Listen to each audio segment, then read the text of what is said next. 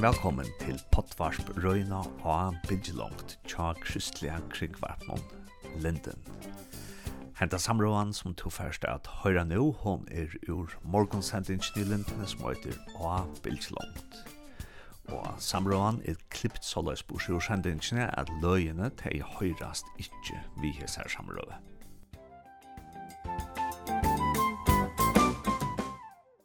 Tu først nå at høyrene av samrøve som er ekvelige rørende. Marsten Bensen har haft en av torrføra byrjan og i løvnån, og han gjør det stjupt krimineller. Han var et skift til høgt og i hierarkinon og i rockarabanden bandidos.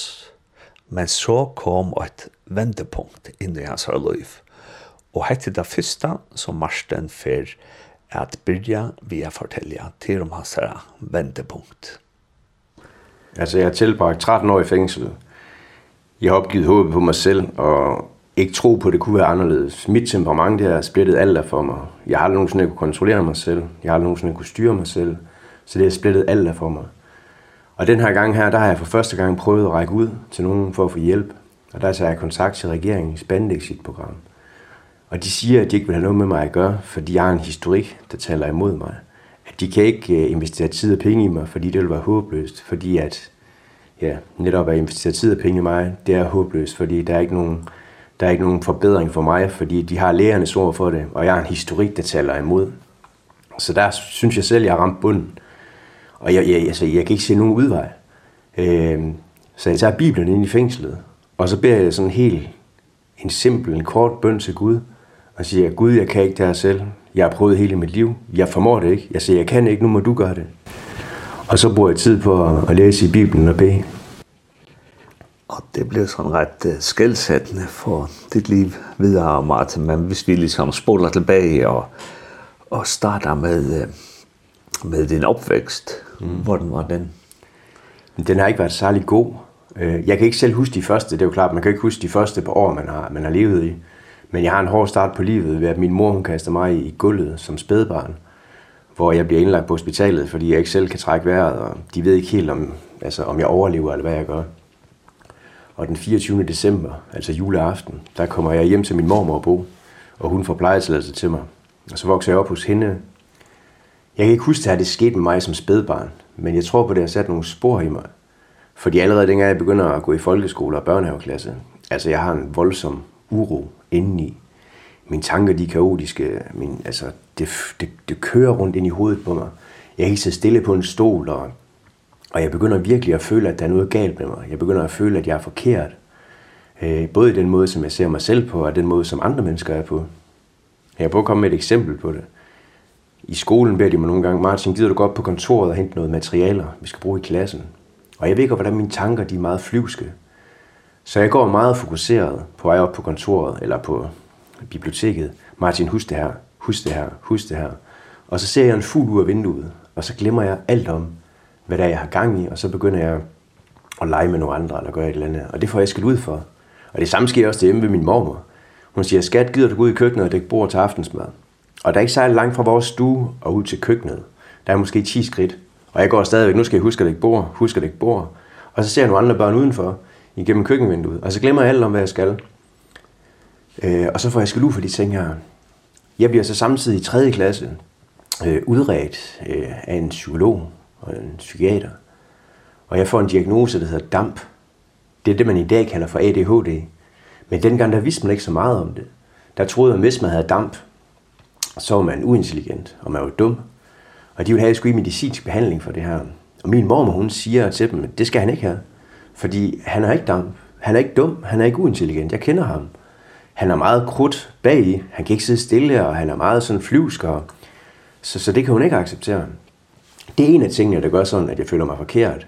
En anden sådan skilsættende ting, der gør sådan, der virkelig former min måde at se mig selv på, det er, da jeg går i 3. klasse. Min biologiske mor bor i en blok lige ved siden af min mor. Og hende, hvad det hedder, jeg tror, man har noget i sig, at man gerne vil se ens ophav sådan lidt. Så jeg prøver at besøge hende efter skolen, og der har jeg fundet hende fire gange, hvor hun har forsøgt øh, at begå selvmord. Og der, hvad det hedder, første gang går jeg fuldstændig i panik, fordi hun ligger helt livløs, og jeg kan ikke, og jeg ringer 000, var alarm med centralen dengang. Øh, og der kommer ambulance og sådan nogle ting, og de andre gange løber jeg over til min mormor. Øh, og jeg spørger hende, hvorfor hun gør det her. Og de tre gange, der giver hun mig svaret, at grunden til, at hun gør det, det er på grund af mig. Og det, det giver bare sådan en følelse ind, indeni, Altså, hvorfor vil ens mor tage livet af sig selv på grund af mig? Altså, hvad er der galt med mig? Altså, hvor, hvorfor? Så den der sådan grundfølelse af ikke at være, ikke at være elsket, ikke at, at høre til nogen steder, og hvis folk virkelig finder ud af, hvem jeg er, så gider de ikke at være venner med mig. Fordi, hvem er jeg? Og sådan. Så, så det har sådan været det, der formede sådan de første, hvad hedder det, hvad hedder det, par år af mit, af mit liv. Og så bliver du så ung, Martin, og ja, du har så ikke haft den bedste start på dit liv, kan man roligt sige. Ja. Og så begynder du at komme ud i kriminalitet. Kan du fortælle lidt om det? Ja. Jeg har lige været på lukket institution i 3,5 år. Øh, et sted, som man også bruger til surrogatfængsling. Hvis du kommer i den kriminelle lavela i Danmark, den er 15 år. Men hvis du er under 18 år, så kommer man som regel ikke at sidde i et fængsel. Fordi du skal være 18 år i Danmark for at sidde i fængsel. Mm. Så det vil sige, at så kom man på sådan en institution, jeg var på i tre halvt år først. Og de mennesker, der var derovre, der var 12 unge, og halvdelen af dem, de skulle have været i fængsel. Så man kan sige, at man bliver formet af det, som man går med, og man er om, man, ens omgangskreds. Så de havde formet mig meget. Så dengang jeg kom hjem fra institutionen, da jeg var øh, 13,5 år, dem jeg havde gået børnehaveklasse til 3. klasse med, altså jeg havde ikke så meget til fælles med dem mere. Jeg, det, der, der, jeg blev formet på institutionen. Så jeg begyndte lige pludselig at, at finde nogle andre venner, som gik rundt på, på gaden også. Øh, og det var jo folk, der havde det svært derhjemme, ikke? hvor jeg forældrene enten drak eller tog stoffer, eller der var vold i hjemmet. Så jeg begynder at gå sammen med dem. Og jeg har jo sådan her den følelse her, at hvis de virkelig finder ud, hvem, hvem jeg er, så gider de ikke at være venner med mig. Men vi begynder at have sådan nogle konkurrencer med at stjæle slik ned på tankstationen. Og der går jeg helt amok. Altså jeg stjæler fuldstændig med, med arm og ben nærmest øh, og kommer helt ud øh, for tanken af med, at jeg virkelig meget, meget mere end alle de andre. Og så den, der havde stjålet mest slik, fik lov til at få de andre slik, og så kunne man dele ud til de andre bagefter. Og på den måde begyndte der nærmest at komme sådan et, sådan et hierarki i den der gruppe, som vi voksede op i. Fordi for det tidspunkt har jeg stort set brugt størstedelen af mit liv på at prøve på at overgå andre mennesker, eller prøve på at imponere andre. Fordi hvis jeg nogen, hørte om nogen i min omgangskreds, som havde gjort et eller andet, der var vildere end det, jeg havde gjort, så skulle jeg straks uge overgå dem. Og det, der er underligt ved det her, synes jeg selv, det er, at hvis jeg kunne komme tilbage til mig selv som, som 15-årig og sige til mig, Martin, de næste 15 år, der vil du kunne retfærdiggøre de og de kriminelle handlinger. Øh, du vil kunne svindle og bedrage andre mennesker. Du vil være kold og kynisk. Du vil kunne tage stoffer hver dag. Øh, du vil kunne stikke an i menneskene ned og se dig selv i øjnene og synes, du er sej. Altså, så vil jeg sige til mig selv, at jeg er fuldstændig syg i mit hoved.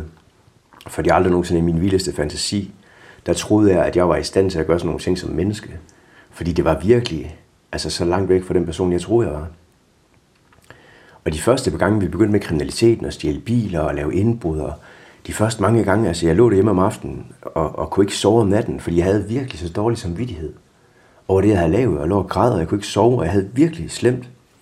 Jeg lød at jeg slog en ned. Men dagen efter, når jeg så mine venner sådan begejstrede blikke, og kunne se, hvor fik at vide, at dem var sej, og var, wow, du er vild, og slap af, hvor er du sej så var det som om, at det ville jeg hellere have. Og det der samvittighedsnod, det var som om, det langsomt gik væk.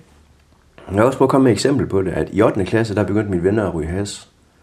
Og det synes jeg virkelig var grænseoverskridende. Og jeg havde en stålfast overbevisning, der hed, at jeg kommer aldrig til at tage andre stoffer end has. Jeg kommer ikke til amfetamin, kokain, andre ting. Fordi folk, der gør det, de er langt ud og ikke styr på deres liv. Jeg kunne lige gå med til at ryge has, og det var, det var 100% sikker på, så ville det altid være. Men efter et stykke tid vi har røget en has, så kunne jeg godt bare lige prøve kokain, fordi, eller amfetamin, fordi det var kun amfetamin. Og der viste jeg også med mig selv, at jeg kom aldrig til at samle stoffer. Fordi folk, der gør det, de er langt ude og har ikke styr på dem selv. Og efter et stykke tid ved at prøve amfetamin, så kunne jeg godt bare lige prøve kokain. Så på et halvt år, der er jeg gået fra, at det er grænseoverskridende at ryge has, til et halvt år efter, det er normalt at ryge has hver dag. Det er normalt at tage kokain hver weekend, og senere en hver dag. Og det er bare det, der var skræmmende der, synes jeg at de der små skridt, som man tager hele tiden. For det var ikke sådan, jeg bare startede som, som rocker, øh, knivstikker, øh, øh, narkohandler. Sådan var det ikke startede. Det, det startede i de der små ting, hvor der var voldsom angst omkring det, og hvad hedder det, adrenalinsus, og man sov dårligt, og man græder. Og så vindede man sig lidt til det. Altså, jeg tror, vi alle sammen har sådan et indre samvittighedsbarometer. Første gang vi træder ved siden og har lavet noget forkert, så tror jeg godt, man kan mærke, at det her, det er ikke så godt. Men jo flere gange vi gør det, så er det som om, at computeren bliver nulstillet. Og så næste gang man tager et skridt ved siden af, jamen så er det bare en, så er det ikke så slemt, fordi det er kun et lille skridt. Men jo flere gange vi gør det, så bliver det skridt også bare normaliseret og normalt og nulstillet. Og så de der mange skridt på mange år, så kommer man virkelig langt væk fra det, man troede, man var. Og det er det, jeg tror, der er det mest skræmmende ved det. Det er så langt væk, jeg kom fra det menneske, som jeg troede, jeg var. Fordi jeg kan huske, Noget som psykologen sagde til mig på den institution, jeg var på. Inden jeg skulle hjem derfra, siger han, Martin, du er uden for pædagogisk rækkevidde. Du kommer til at sidde i fængsel resten af dit liv. Det er dine fremtidsudsigter. Og jeg kan huske, dengang han siger det til mig, der tænker jeg, det han er da en idiot. Fordi jeg havde det på ingen måde og nogen som helst intentioner og planer om, at jeg skulle lave kriminalitet og sidde i fængsel. Men altså, man kan sige, at han har, han har ramt godt plet, fordi jeg har tilbragt 13 år i fængsel. Så, men jeg kunne bare ikke se, hvor der var jeg på vej hen i livet dengang. Øh, men det kunne han. Og, og, og den her kriminalitet, som så starter til i dit liv, den, den fører sig til, at du kommer ind i, i rockermiljøet. Kan du mm. fortælle lidt om det? Ja. Altså, da jeg har været, sådan fået etableret mit navn som kriminel, som narkohandler, som virkelig voldsparat, altså meget, meget kold og kynisk. Øh, jeg havde et meget, meget øh, hvad hedder det, øh, klart rygte i, i Aalborg og omegn, at, at jeg var meget voldsparat. Og hvis folk de trådte mig over tæerne, så kom der virkelig slemme konsekvenser tilbage ved det. Altså selv ind i fængslet, der var jeg så aggressiv, at de ikke kunne styre mig, at de ikke ville have mig i fængselsvæsenet mere, fordi at jeg var så, så voldelig og så aggressiv. Øh, og det vold, jeg lavede, det var bare meget mere groft end det, som, som andre gjorde. Så det er klart, at i det kriminelle miljø, det er der nogen, som der lægger mærke til. Øh, og det er der især folk fra Banditas, der lægger mærke til.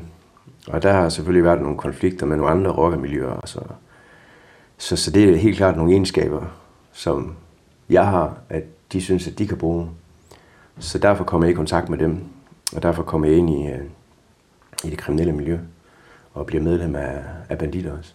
Og stiger hurtigt, hvad hedder det, sådan til tops der, øh, på grund af min øh, voldsparathed. Øh, Ja, og så synes jeg, vi skal tage en sang nu, Martin. du har valgt øh, nogle sange, og vi tager den første nu, kan fortælle, hvad den er, og hvorfor du har valgt den sang. Ja, det er Alene Kristus er mit håb, fordi at jeg, jamen, jeg elsker den sang. Jeg synes virkelig, den er god. Den siger meget netop, at ja, alene Kristus, han er mit håb. Altså, vi kan ikke sætte vores håb i os selv. Vi kan ikke sætte håbet til mennesker eller, eller andre ting her i livet. Vores, ultimative eneste håb for, for frelse, for fred, jamen den ligger i ham. Så øh, jeg synes bare selve i overskriften, at alene Kristus er mit håb. Mm.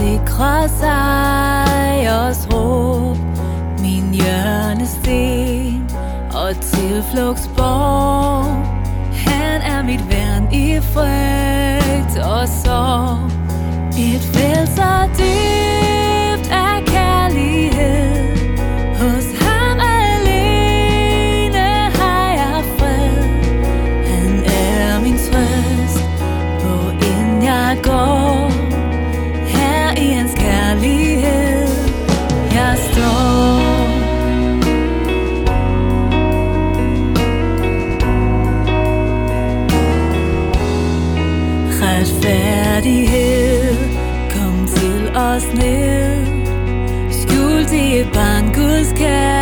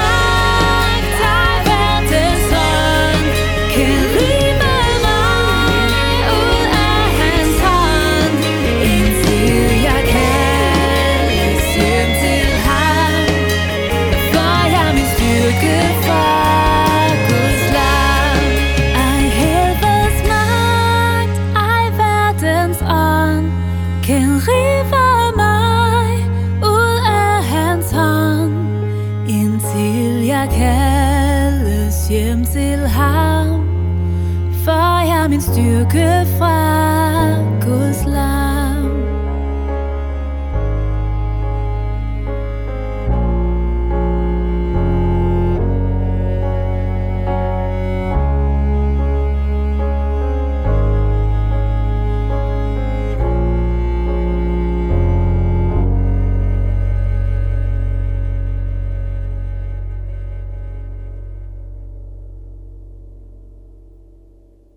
du fortalte, at, at du kom mer og mer inn i det kriminelle miljø, og du havde været øh, en del af Bandidos. Mm. Og, øh, ja, og samtidig med, at du lever den her kriminelle løbebane, så, så, så bliver du også undersøgt og behandlet lidt. Og så, så var der et tidspunkt, hvor, hvor du fik en konklusion, at at de sagde til dig, at, at du er bare høbel og håbløs, Martin. Det, der er intet, der kan gøre, så jeg kan fortælle lidt om, om hvad der skete der. Ja, altså som jeg så nævnte lige før, så havde jeg jo været så, så aggressiv og ukontrollerbar, at de ikke kunne styre mig, og de ikke kunne have mig nogen steder ind i fængslet, at de ikke ville have noget med mig at gøre længere. Så jeg kom over på psykiatrisk afdeling og får en behandlingsdom der, eller en dom til behandling på ubestemt tid, altså sådan en tidsubestemt for, hvad hedder det, øh, foranstaltning. Og den kan jo i teorien vare for, for altid netop. Det er jo netop, når lægerne mener, at jeg ikke længere er farlig, eller de, jeg er tryg nok at sende ud på gaden, det er først der, du, du bliver løsladt. Øhm, så det var, det var ikke så rart at få den dom. Men den havde jeg i cirka 6 år. Jeg afsonede kun 4,5 år af dem, fordi jeg var stukket af i mellemtiden. Og der bankede jeg også lægerne ud og bliver bæltefixeret i, ja, det længste tid, det er 21 døgn i træk. Øh, Så jeg, jeg, jeg kommer ind og ud af billedfixeringer, og banker lægerne, banker patienterne, får mere og mere medicin. Og til sidst der øh, kommer der en psykiater, hvor jeg bliver billedfixeret, og så siger han til mig, Martin, du er uden for terapeutisk rækkevidde. Vi kan ikke nå ind til dig. Du er håbløs. Den psykiater, han havde 6 år forrige, der havde han sagt til mig, at han kunne se, at der var en psykolog, der havde sagt, at jeg er uden for pædagogisk rækkevidde. Og der sagde han til mig, Martin, det er en forlitterklæring at sige, vi kan nå ind til alle. Det er et spørgsmål om tid, terapi, og medicin. Og den samme psykiater kommer seks år efter og siger til mig, at jeg er uden for terapeutisk rækkevidde, jeg er håbløs, og de kan ikke nå ind til mig. Så øh, jeg skal tilbage til fængslet, fordi de kan ikke styre mig på øh, psykiatrisk afdeling.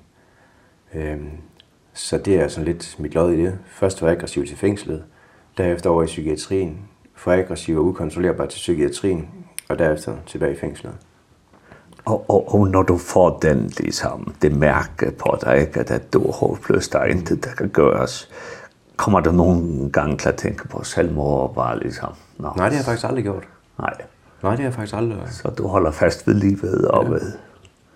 Ja, altså på det tidspunkt, jeg har mange penge. Jeg har lejligheder store biler. Jeg har... Hvis man bare kigger på det sådan udefra, så ser det ud som om, jeg har alting her i livet. Jeg styrer på det hele, masser af økonomi, og øh, det hele kører der. Og det er måske også rigtigt, bare hvis man kigger udefra. Men hvis man så tager et blik og kigger ind i mig, så er det hele jo bare et stort kaos og et stort rod. Og jeg kan ikke holde mig selv ud, jeg kan ikke holde mit liv ud, jeg kan ikke... Øh, og hele tiden så tænker jeg, jeg skal bare have den her bil, fordi så kan folk lægge mærke til mig. Og så får man et eller andet, og så er man glad for det i 10 minutter. Og så det, det, ja, det giver ikke noget alligevel. Så det er hele tiden sådan en jagt på at få det næste, og få det næste, og få det næste. Så der er aldrig nogensinde noget tilfredshed i det. Og, og ja, så kommer vi der, hvor vi startede den her udsendelse med, at, at du, du er meget presset, og du mm. ligesom ser ingen udvej. Var det fjernt for dig, at, at skulle bede den her bøn, eller havde du et eller andet med Gud, ligesom? fra den opvækst eller nogen steder? Jeg kommer ikke, min, der er ikke nogen fra min familie, der er kristne. Jeg har ikke en kristen opvækst, jeg har ikke en kristen baggrund. Man kan sige, at der har været en, en gammel dame, der har bedt for mig i mange, mange, mange år. Øhm, og jeg husker første gang, at jeg møder hende, hvor jeg kan huske det. Det er, hvor jeg er 18 år. Og det er første gang, jeg sådan bliver, bare hører noget om Gud, hvor hun beder for mig, hvor jeg føler, at jeg bliver lidt lettet. Hvor jeg prøver på at komme i en menighed i et års tid. Men jeg kan ikke, altså fordi på det tidspunkt, jeg har svært ved at tro på mennesker og familie og venner kan elske mig og noget værd. Og jeg tænkte der på det tidspunkt, havde jeg siddet fire gange i fængsel. Og jeg tænker, hvordan skal Gud acceptere mig og elske mig? Hvis han ikke kan acceptere kristne, hvordan skal han så acceptere mig? Jeg har siddet fire gange i fængsel. Så, så det der, jeg, jeg havde jeg meget svært ved at... Så det var ikke sådan, fordi jeg havde forstået evangeliet, jeg havde ikke forstået budskabet, jeg havde slet ikke... Men jeg har altid troet på, at der var en Gud et eller andet sted. Men hvordan det ser ud med Gud, det, det har jeg ikke vidst noget om der. Så, øh, og, og var det så lidt i desperation, at du ligesom bad den bøn den det var, dag? Det var meget i desperation. Det var meget i, at altså, jeg var på bunden af mit liv. Altså, jeg, jeg, jeg kunne ikke se nogen udvej. Jeg havde accepteret over for mig selv, at mit lod i livet, det er at sidde i fængsel resten af dit liv. Fordi at jeg kan ikke forandre mig. Altså, mit temperament, det, det var alt ødelæggende for mig. Så, så jeg, jeg kunne ikke... Øh, jeg kunne ikke forandre mig selv, jeg kunne ikke gøre noget. Og jeg havde accepteret, det er sådan, at mit liv det er. Så det var i ren og skær desperation, at jeg tog Bibelen og begyndte at bede en bøn til Gud. Og, og, og så efter du har bedt den her bøn, ikke, som du har citeret, at jeg, jeg kan ikke noget selv, jeg har prøvet hele mit liv, og jeg kan ikke forvandle mig selv, mit liv er et, et kaos, og du Gud, du må komme og gøre det. Var det så sådan, at ligesom, der faldt et eller andet helligånd over dig, og der kom en fred, eller, eller var det bare stille, efter du havde bedt den bøn? Nej, der var ikke noget. Altså, jeg kunne ikke mærke noget. Jeg havde ikke sådan, hvad hedder det, øh, ingenting. Jeg brugte bare tid på at læse i Bibelen. Altså meget tid. Jeg startede med at læse to timer, så begyndte jeg at læse 4, 6, 8 og 10 timer om dagen, og sidder og skriver notater. Og jeg starter på side 1 i Bibelen. Jeg læser det hele igennem. Og jeg, jeg tror, at dengang jeg er færdig med at læse hele Bibelen, der er jeg nok mere forvirret, end, en, jeg havde nok flere spørgsmål, dengang jeg havde læst den første gang. Så det gør jeg igen. Læser den endnu en gang, og så begynder jeg sådan, jeg tror, jeg læser den to eller tre gange først. Og så begynder jeg sådan at, at vælge ting ud fra Bibelen. Og, det er jo, og jeg har ikke rigtig forstået noget af det. Men lige pludselig en dag, jeg sidder på øh, Nyborg Statsfængsel på meter 2. Det er sådan en afdeling for stærkt negative styrende fanger. Der kan jeg huske, jeg siger højlydt ind på cellen, slap af mand, jeg er tilgivet. Lige pludselig så var der bare masser af sådan, jeg får også sådan helt kuldegysninger nu, altså der var masser af sådan skriftsteder, der bare gik op for mig. Altså, ja, lige pludselig der fik jeg virkelig sådan en fred inde i, en ro, altså, og jeg, jeg følte for første gang nogensinde hele mit liv, at jeg kunne slappe af. Fordi jeg følte virkelig, at det ikke handlede om mig, men det handlede om Jesus, hvad han havde gjort. Det var som om, at alt det, jeg har læst igennem hele Bibelen, lige pludselig der gav den mening fra start til slut. Øh, og jeg fandt ud af, at jeg rent faktisk var tilgivet. Altså, det var, det var, det var skilsættende. Det vendte virkelig op og ned på, på, på alt i mit liv. Men umiddelbart før det her, der er der andre mennesker, der har mærket en forandring i mig. Fordi allerede en måned efter, jeg begynder at læse i Bibelen, der kommer betjentene ind på min celle og spørger, hvad der er galt med mig. Øh, fordi at jeg råber og skriger ikke, som jeg plejer, og jeg begyndte at falde mere ned på jorden. Og, og jeg kunne ikke mærke nogen forandring, så jeg siger til dem, altså, Der er ikke nogen forandring, det er som det plejer. Der går en måned mere, og betjentene kommer ind på min celle, øh, og de spørger, om jeg er deprimeret, og jeg siger, nej, jeg har det fint. Og de siger, at Martin, du er nærmest behagelig at være i selskab med, hvad, hvad er der galt? Øh, og jeg kan stadig ikke øh, se, hvad det er, de mener. Det tredje måned kontaktede min advokat mig, fordi de andre indsatte i fængslet er bekymrede for mig. Øh, lægerne inde i fængslet er bekymrede, og de andre ansatte er bekymrede, fordi at den måde, jeg opfører mig på, er slet ikke forenlig med, med som jeg plejer at opføre mig. Og det igen til det fjerde måned taler jeg med en misbrugskonsulent. Og jeg tror godt, man ved, hvordan man handler og reagerer i situationer. Jeg ved, mit temperament altid er splittet alt der for mig. Og nogle gange så kan man godt sige i en situation, okay, her handlede jeg godt, det her der tabt i hovedet. Så man har nogenlunde en idé for, hvordan man er som menneske. Og hun nævner en 6-7 eksempler for mig. Og der var især et af eksemplerne, der havde de sat ekstra betjente ud foran min celledør, fordi de vidste, når jeg fik det her afslag, så ville jeg gå fuldstændig amok, og så ville jeg rasere det hele. Og der kommer de ind til mig, mens jeg læser i Bibelen, og de giver mig afslaget, og der kigger jeg op på dem og siger, jamen det er jo ikke nok at vide. Og så sætter jeg mig tilbage og læser i Bibelen. Jeg bliver virkelig chokeret over alle de her eksempler, som de stiller op. Og jeg tænker bare, hold da op, mand. Altså, jeg havde bedt til Gud om, at han skulle gøre nogle ting i mit liv, jeg ikke selv formåede. Det skal jeg hilse at sige, det var sket her. Jeg kan ikke sige, om det var først, da jeg begyndte at læse i Bibelen, men jeg kan sige 100% sikkert, at det kom af, at jeg begyndte at læse i Bibelen kontinuerligt, og jeg gjorde det igennem længere tid, at det forvandlede virkelig mine tanker, øh, min person. Det gjorde noget ved mig, og jeg kunne ikke engang selv mærke det. Og det er jo det, der sådan er, jeg ved, nogle mennesker har sagt til mig, Martin, det er jo bare dig selv, der har kæmpet helt vildt for det her. Hvor jeg bare skal sige, det passer jo ikke. Jo, jeg har kæmpet efter jeg kom til tro, har jeg kæmpet for mit liv og kæmpet for og få styr på mig selv og tale med psykologer og alt muligt andet. Men det første her, hvor mit temperament det forsvandt, det er jo ikke noget, jeg gjorde.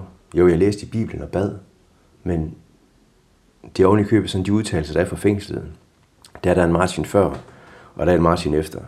Psykiaterne inde i fængslet, de siger, at den forvandling, der er sket med mig på så kort tid, det kan ikke lade sig gøre, det er umuligt.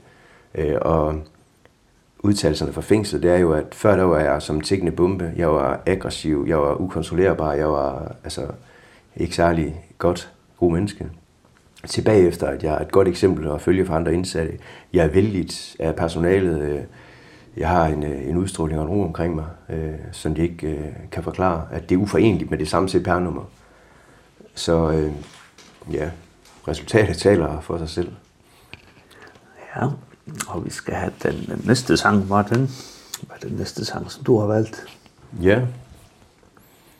Den næste sang, jeg har valgt, det er Den kærlighed, som Gud har vist. Fordi at dengang jeg sad inde i fængslet og læste ind i Bibelen, jeg har aldrig følt mig elsket før. Jeg har aldrig følt, jeg havde værdi og følt, jeg var noget værd. Men der gik det op for mig, den kærlighed, som Gud havde til mig. Og der, det synes jeg, den sang her, den siger det godt, at den kærlighed, som Gud har vist, den er ganske enkelt mægtig. Den taler klart om korset og taler om, om Jesus. Så jeg synes virkelig, det, den rører mig. Jeg begynder, det er ikke altid, men jeg begynder til at græde, når jeg synger den. Fordi at den rører mig rigtig dybt.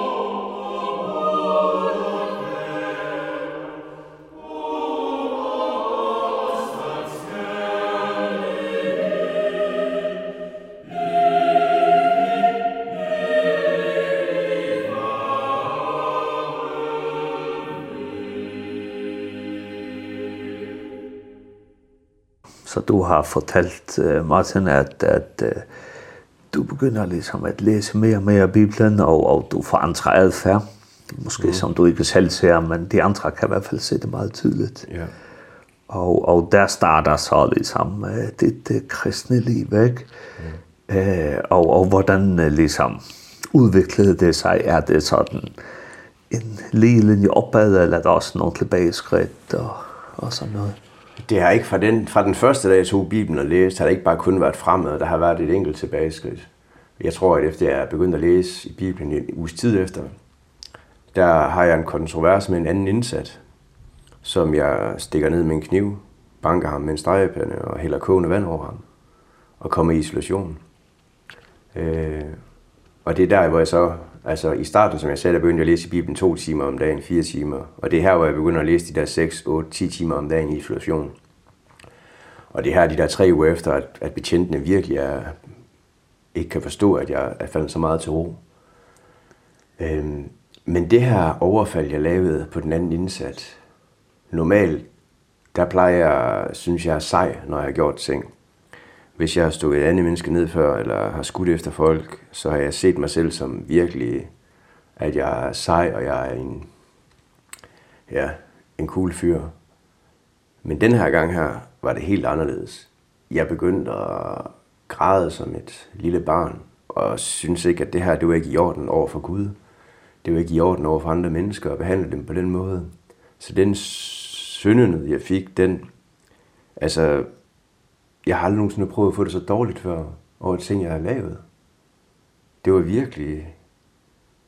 Øh, det var uforståeligt. Fordi det var ikke sådan, jeg var. Øh, så det var sådan, man kan sige, det ene tilbageskridt, jeg har haft en uges tid efter, jeg begyndte at læse Bibelen. Og derefter, jamen der har der ikke været noget, der har det kun gået fremad og, og, og hvordan liksom voksede din forståelse om Gud og Jesus? Men som jeg siger der, de første mange måneder, der havde jeg ikke nogen forståelse for det. Jeg, jeg læste og læste og læste og læste og læste, og folk omkring mig var opmærksom på, øh, på forandringen. Der er fire måneder efter, hvor som jeg sagde, misbrugskonsulenten nævnte nogle eksempler for mig. Det er jo der, hvor det første gang går op for mig, hvor jeg tænker, hold da op. Altså, jeg har bedt om nogle ting, og det skal jeg da sige, det var sket. Det var virkelig sådan et, et vendepunkt. Hvor jeg tænkte sådan, det havde jeg jo slet ikke regnet med. At, fordi når jeg ser tilbage, når, når folk igennem fire måneder påpeger over for mig, Martin, du råber og skriger ikke mere, du falder ned på jorden, du er helt anderledes, du er behagelig at være i selskab med. Øh, og jeg ikke selv har mærket nogen forandring, så siger det jo bare, når mit temperament har været ukontrollerbart før, at så er der sket noget inden i mig.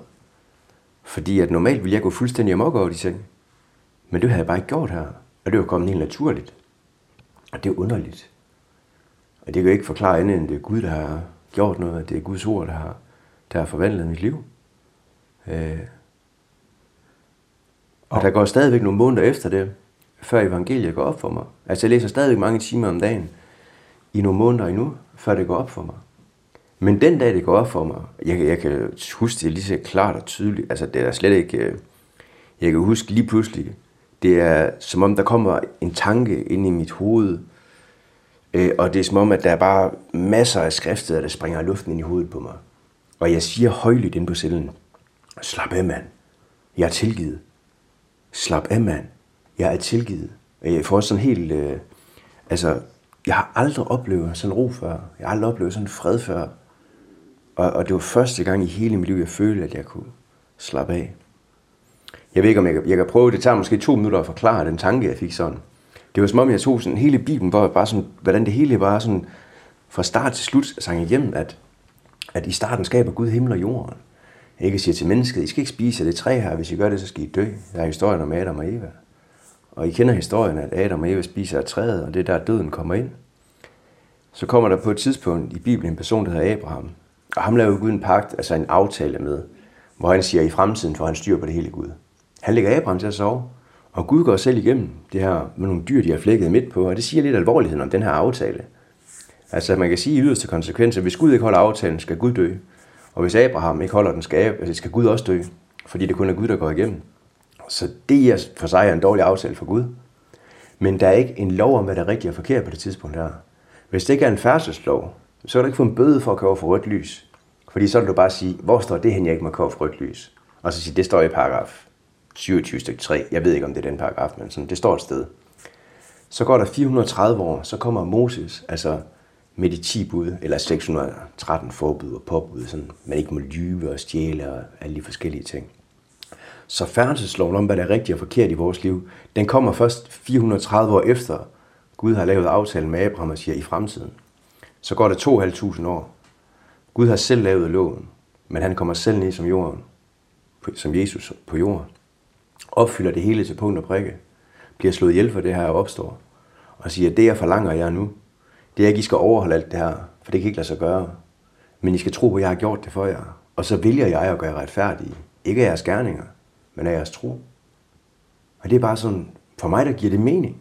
Det der med, at der er en helt klar rød tråd fra start til slut. Og dengang jeg var jeg kom i kirken, det kort stykke tid, da jeg var 18, der kæmpede jeg meget med at få balance i min vægtskål for gode og dårlige gerninger.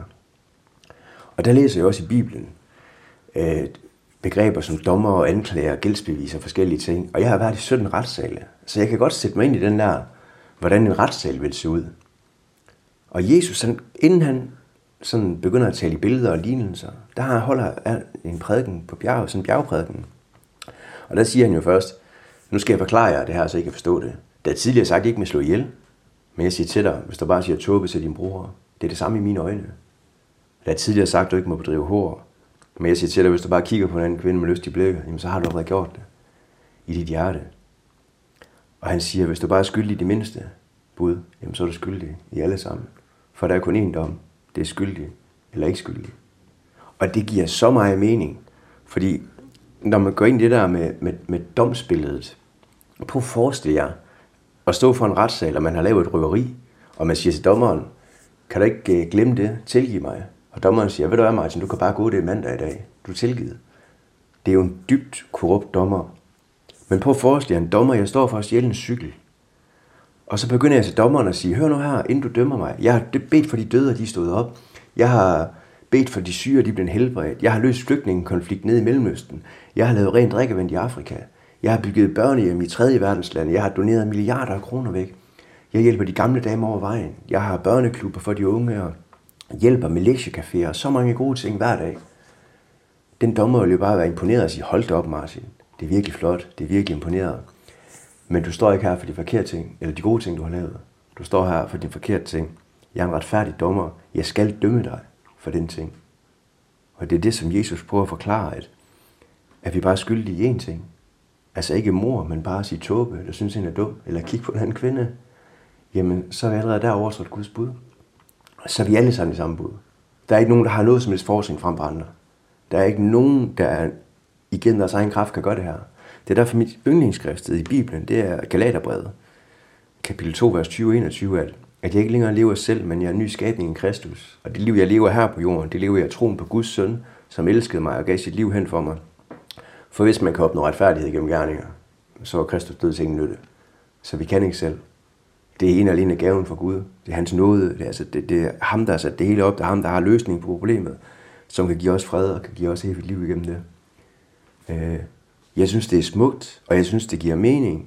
Og det var det, der sådan kom ind i hovedet på mig, at jeg kan jo ikke selv. Det handler ikke om, hvad jeg har gjort. Det handler om, hvad Jesus har gjort. Og den fred, jeg fik af det, det kan jeg slet ikke... Altså, jeg bliver Jeg bliver selv rørt i dag over at tænke over det. Fordi det har virkelig forandret mit liv. Altså, virkelig. Kan du huske, Martin, hvornår startede du at bede til Gud? Altså, du læste i fire måneder, ja. næsten ud i det, ikke? ja. Altså, jeg bad stort set hver dag. Okay. Og så før du begyndte at læse Bibelen? Nej. Nej. Det var noget, der startede den dag. Okay. Jeg tog fat i den. Ja. Og det er den bedste beslutning, jeg nogensinde har taget der måske en beslutning, der er bedre endnu, næsten. Det var den sidste dom, jeg fik. Den dom, jeg afsonede for i det fængsel der. Det var en dom på to år og otte måneders fængsel. Det var fordi, jeg tog skylden for en af mine venner. Fordi han havde nogle våben til at ligge hjemme med ham, og de havde rensagning. Han havde en søn på tre måneder. Jeg har aldrig set min far. Og jeg synes, det var synd for ham, at han skulle i fængsel, og han ikke kunne være far for hans søn, når jeg ikke har set min far også.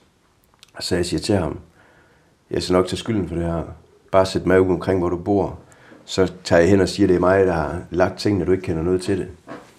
Og han lover mig, at han nok skal holde sig på måtten og tage sig af sin søn. Og det har han også holdt øh, den dag, til den dag i dag. Så det var sådan set det, der gjorde det. Så ved at, man kan, man kan sige det sådan, at jeg kom i fængsel, fordi jeg tog straffen for en anden ven, så han kunne være far for hans barn, fordi jeg ikke selv kendte min far. Og ved at jeg gjorde det, da jeg igen og læste Bibelen, der fandt jeg ud af, at Gud det var min far, og fandt ud af, at Jesus han havde taget en straf, som jeg skulle have. Så det er sjovt nogle gange, hvordan tingene sådan vender rundt. Ja. Og, og ja, så, så du begyndte at læse Bibelen og at bede. Og hvornår kom der så noget, også fællesskab med andre. Der er vel øh, gudtjenester i fængslet, og så ved jeg, der var også noget med, med fængselkoret. Mm. Ja, altså jeg, jeg, jeg, jeg var jo overbevist om, at alle præster, de var 100% overbevist om, alt hvad der stod i Bibelen var sandt. Så øh, efter jeg kom til tro og trives med det, der ville jeg gerne tale ind i fængslet med en præst om tro. Og der siger han til mig, at ja, Men det med, at Jesus han er død og opstået, det er ikke rigtig sket. Det er bare et billede på, at vi kan få et bedre liv, hvis vi lever i næsterkærlighed. Og der tænker jeg bare, hvordan kan du sige det, du er præst? Øh, altså, jeg var virkelig, og det er der, jeg første gang får virkelig, så linje, at det skal godt nok være løgn, det her. Det er det, jeg skal bruge mit liv på. Jeg skal være præst. Jeg skal fortælle, at det her, det er ikke bare ord og bogstaver, det er sandt, og det er liv. Altså, Fordi hvis det bare var igennem næste kærlighed, at man kunne få et bedre liv, hvorfor skulle det så radikalt forandre mit liv? Hvorfor skulle det så gennemgribende ind i mig selv forandre den måde, jeg ser mig selv på? Det måde, andre ser mig på? Det, det, det gør det jo ikke, hvis det bare er, er et billede på et bedre liv i næste kærlighed. Fordi det havde jeg ikke forstået. Øh, så øh, det var der, at det blev gjort fast, at det var det, jeg skulle bruge resten af mit liv på. Så bliver jeg glad, der inde i fængslet finde ud af, at der er noget, der hedder fangekoret. Og en øh, Louise, der står for det. Jeg taler med hende, fordi på det tidspunkt er jeg meget sådan, hvis folk siger, at de er kristne, så er jeg meget sådan, jamen tror du sådan rigtigt på det? Fordi jeg har, jeg er lidt sådan, har det lidt, hvordan kan man sige, at man er kristen og ikke tro på det? Det, det havde jeg sådan lidt, Øh, og så, så finder jeg ud af, at hun er oprigtig, at hun er rigtig troende. Og også kommer i kirke, hvor præsten er troende og sådan lidt ting der. Så øh, igennem det øh, skriver jeg en rapsang øh, øh, om min rejse, kan man sige, fra kriminalitet til tro. Øh, og det hjælper mig med at, at få relationer. Det hjælper mig med, når jeg skal ud i fængslet og, og have et fast holdepunkt i fangekoder derefter. Og det hjælper mig med at komme ind og få et fællesskab og en relation i en kirke efterfølgende. Så øh, ja. Ja, og så skal vi høre en sang mere, før vi går videre, Martin. Ja, det er en salme. Øh, Al Gud, velsignet være, det er sådan rigtig, jeg ved ikke, om man kan sige sådan mandssalme eller et eller andet. Sådan, jeg ved ikke, der er noget, jeg synes, der er noget kraft og nogle ting i den, der sådan både taler om Gud, taler om Helligånden, taler om... Det ved jeg ikke. Jeg synes, selve melodien og selve den der sådan... Øh, det ved jeg ikke, den kan jeg virkelig godt lide. Den er, jeg ved ikke hvorfor, den har jeg haft en kærlig for, for første gang jeg hørte den. Selve sådan, ja, melodien og, og teksten. Så alle magts Gud velsignet være.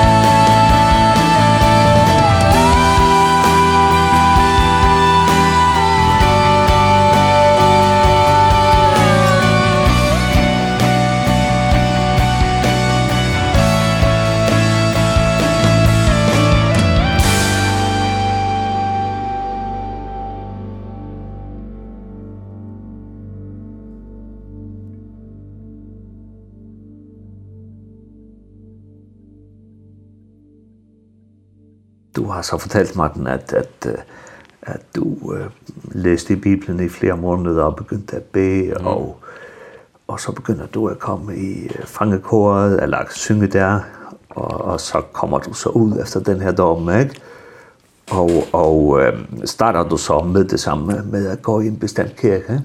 Ja, jeg starter med at komme ind i Apostelkirken inde i, inde i København. Øh, en ja, dejlig kirke øh, hvor der kommer også unge mennesker, og det er ikke kun er gamle mennesker, der kommer, men folk, der er oprigtigt troende og sådan, så det er, det er skønt at se en præst, som brænder for, for jobbet, og jeg bliver inspireret af det. Og jeg tænker jo også selv, at ja, det er jo det, jeg skal være her, altså, jeg skal jo forkynde Guds ord. Øh, og for at skal det, skal man på universitetet, og man skal læse teologi, men hold det op. Det var virkelig en lang vej at komme dertil. Altså, når man tidligere har levet, som jeg har levet, så går man ikke bare ud og starter på gymnasie og universitet. Altså, det har virkelig været små skridt. Jeg skulle finde ud af mig selv, finde ud af mine følelser, finde ud igennem psykologer. Altså, det var, det var svært. Virkelig svært. Og hver gang jeg har haft lyst til at give op, så har jeg tit tænkt tilbage på samtalen med præsten i fængslet, hvor jeg bare tænker, nej, det skal være løgn. Altså, Gud har forvandlet mit liv. Øh, ikke fordi prædikneren kun skal handle om det, eller skal handle om det, de skal handle om, om Gud, men, men, men jeg tror ikke, jeg ville kunne se mig selv i øjnene, hvis det ikke var det, jeg brugte mit liv på. Fordi det, som der er sket, det er så vildt. Øh, så det er jo sådan noget med, jeg starter først med, jeg, først vil jeg tage en studentereksamen på to år. Og der siger udslusningspensionen til mig, jeg går på, hvor jeg vil blive udsluset det sidste år i fængslet. Siger Martin, det der det er urealistisk. Det kan du ikke. Du har ikke lavet noget i 14 år. Du kan ikke tage en studentereksamen på to år. Start du med fire timer mandag, onsdag og fredag. Prøv sådan lidt roligt. Og det går jeg meget modvilligt ned til. Og de første tre måneder er jo nærmest et mareridt. Jeg kan jo ikke hænge sammen på mig selv, og jeg falder i søvn i bænke inde på Rådhuspladsen i København, fordi jeg er så træt i hovedet. Bare kun af fire timer mandag, onsdag og fredag. Jeg får førtidspension på det tidspunkt, det er fire, der var nogen 20. Øh, fordi man skal have nogen 20 timer for at få SU af staten.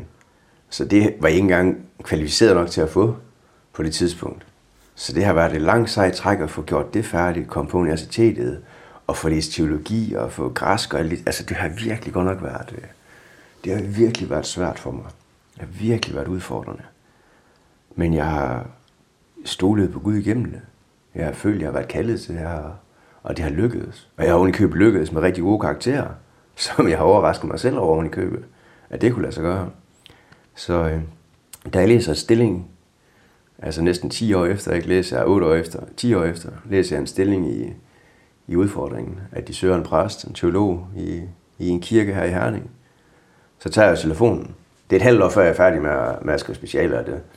Øh, så jeg ringer og lige og siger, jeg er ikke helt færdig nu. Øh, kan vi lige, øh, men jeg vil gerne ansættes, når jeg er færdig.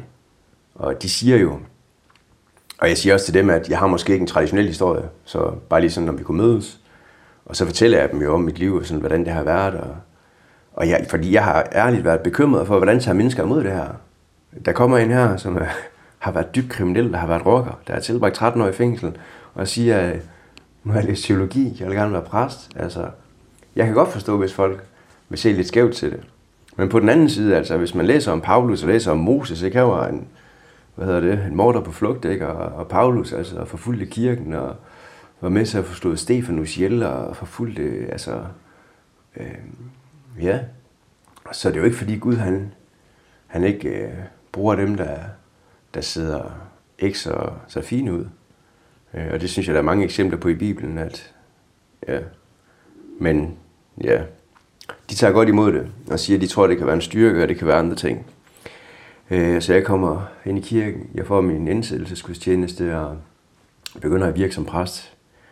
Og det er jo, altså da vi flytter til byen her, skal til at flytte i hus sammen med min kone, jeg sidder og græder i bilen. Helt vildt. Og hun spørger, hvad der er galt. Og jeg siger, det er ikke, fordi der er noget galt. Det er jo bare, at nogle gange så overgår virkeligheden fantasien. Fordi jeg havde slet ikke, det var, hvad jeg havde drømt om. Jeg havde ikke regnet med et eller andet sted. Og så alligevel ikke, at, at det lykkedes. Men så alligevel står man her, bliver færdig med skole, og går på universitetet, og bliver ansat som præst fuldtid.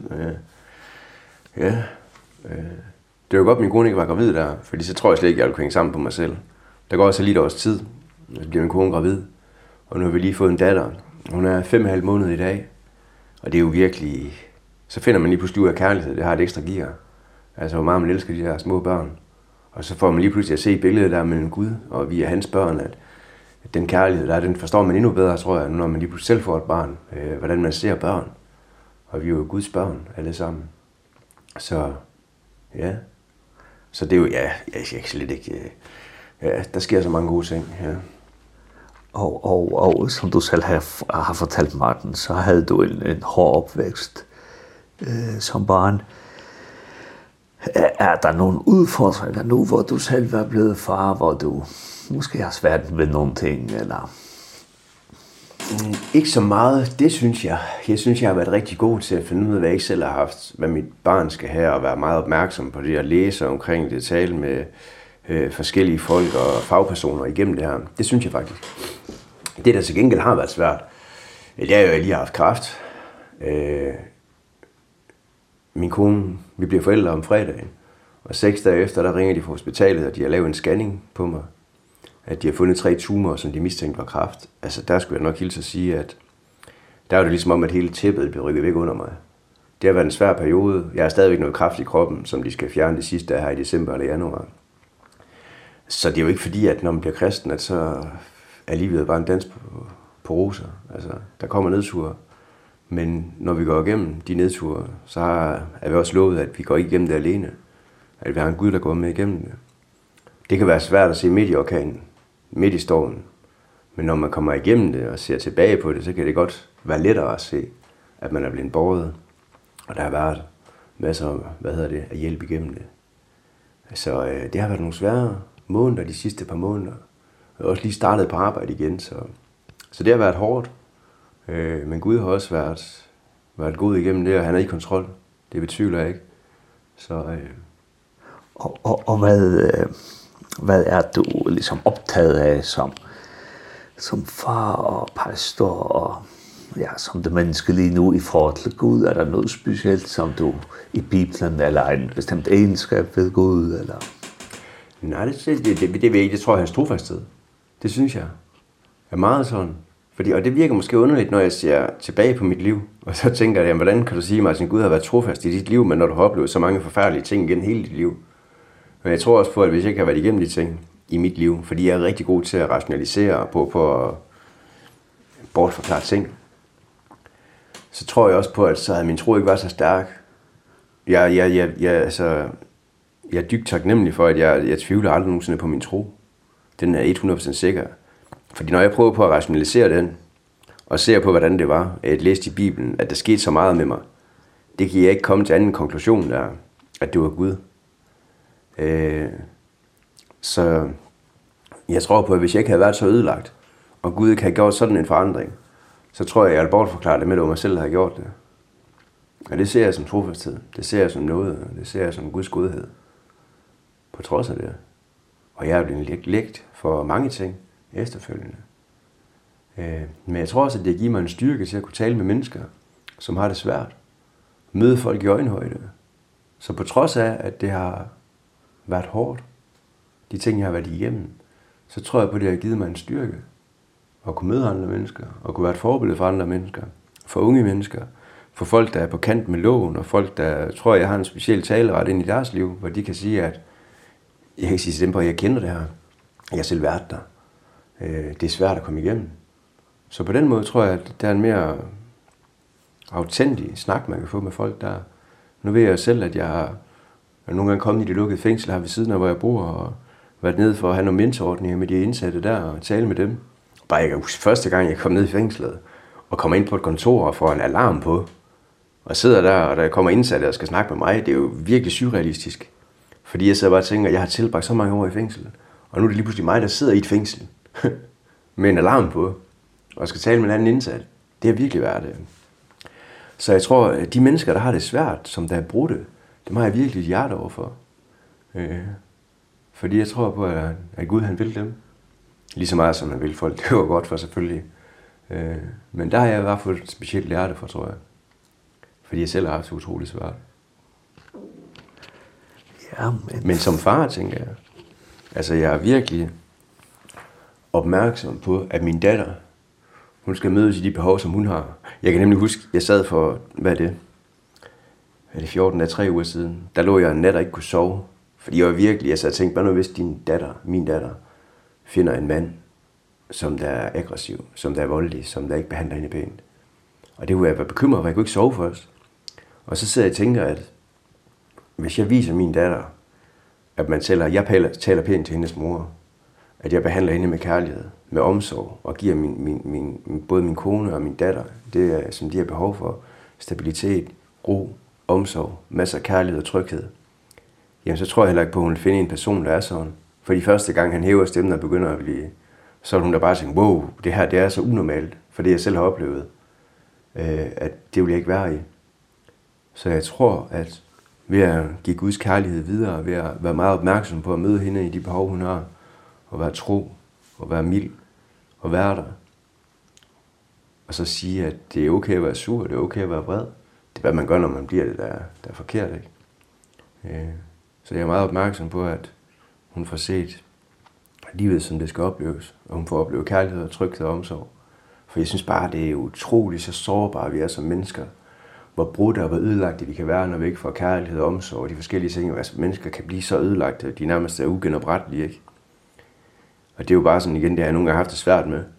Men det siger jo også bare, at vi lever i en verden, der er i forfald. Og det siger bare, hvor meget vi har brug for netop det der med at leve i relation med Gud. Leve i relation med det og få de ting, fordi havde verden ikke været sådan, jamen, der er ikke noget galt i at være så sårbar og være så hvis det er sådan, man får de ting, man skal have, man får kærlighed, man har relation, man har omsorg, så oplever man det ikke. Så øh, det siger bare meget behov for Gud, synes jeg. Ja, en fantastisk livshistorie, Martin, og jeg vil bare ønske dig Guds velsignelse både med den kræft, du stadigvæk har i kroppen, og som far og som pastor. Og så skal vi tage den sidste sang til. Ja, det er også en salme. Det er ingen er så tryg i fare. Den synger jeg, har jeg sunget, altså jeg er flere måneder før min datter blir sunget, eller blir født hver aften som godnatsang til maven. Og efter hun er kommet ud, får hun den også som godnatsang. Så øh, jeg synes, det er en god salme, der passer godt til børn, der passer godt til mig og som Guds barn. Så jeg synes bare, jeg ved ikke, der er en masse gode ting i. Så øh, ja, den har i hvert fald et specielt plads i mit hjerte. Ingen er så tryg i far.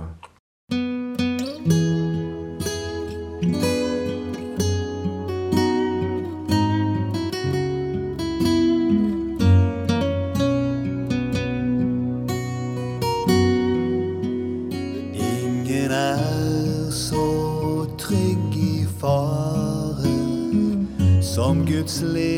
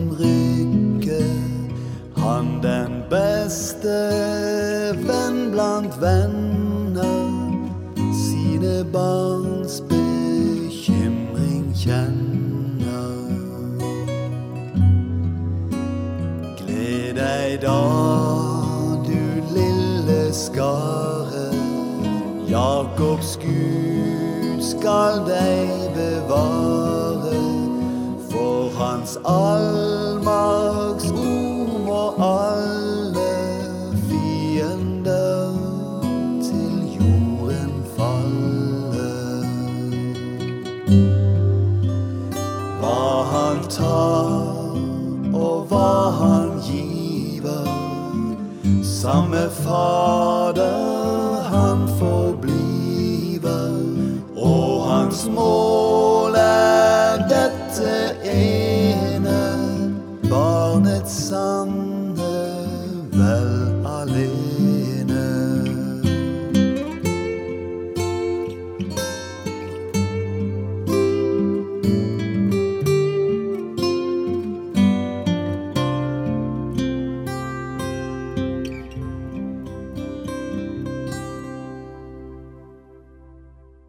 Her har det vidt Rune Larsen vi Lennon. Ingen er så trygg i fare.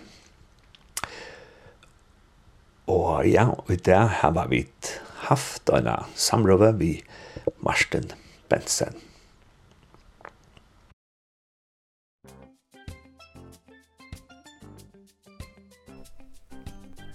Hetta potvarspe til hørte, det var ein samrøva ur morgens hendingene av bildlangt og i kringkvarten om lindene.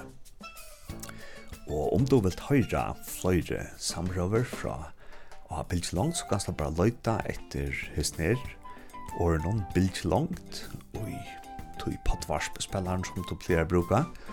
Og her er det så løs at hvis du truster av til rinjeklokkene som er nere under navnet noen, så er det så løs at du bare fylger potvarpene og øyne at hver jeg fer en nødvendig parster kommer ut, så først da en notifikasjon eller en bo om at nå er nødvendig parster kommer ut. Så heter det ordentlig snilt, jeg fer inn og finne røyne bildet langt, og så trusta av jeg ringeklokkene som er her.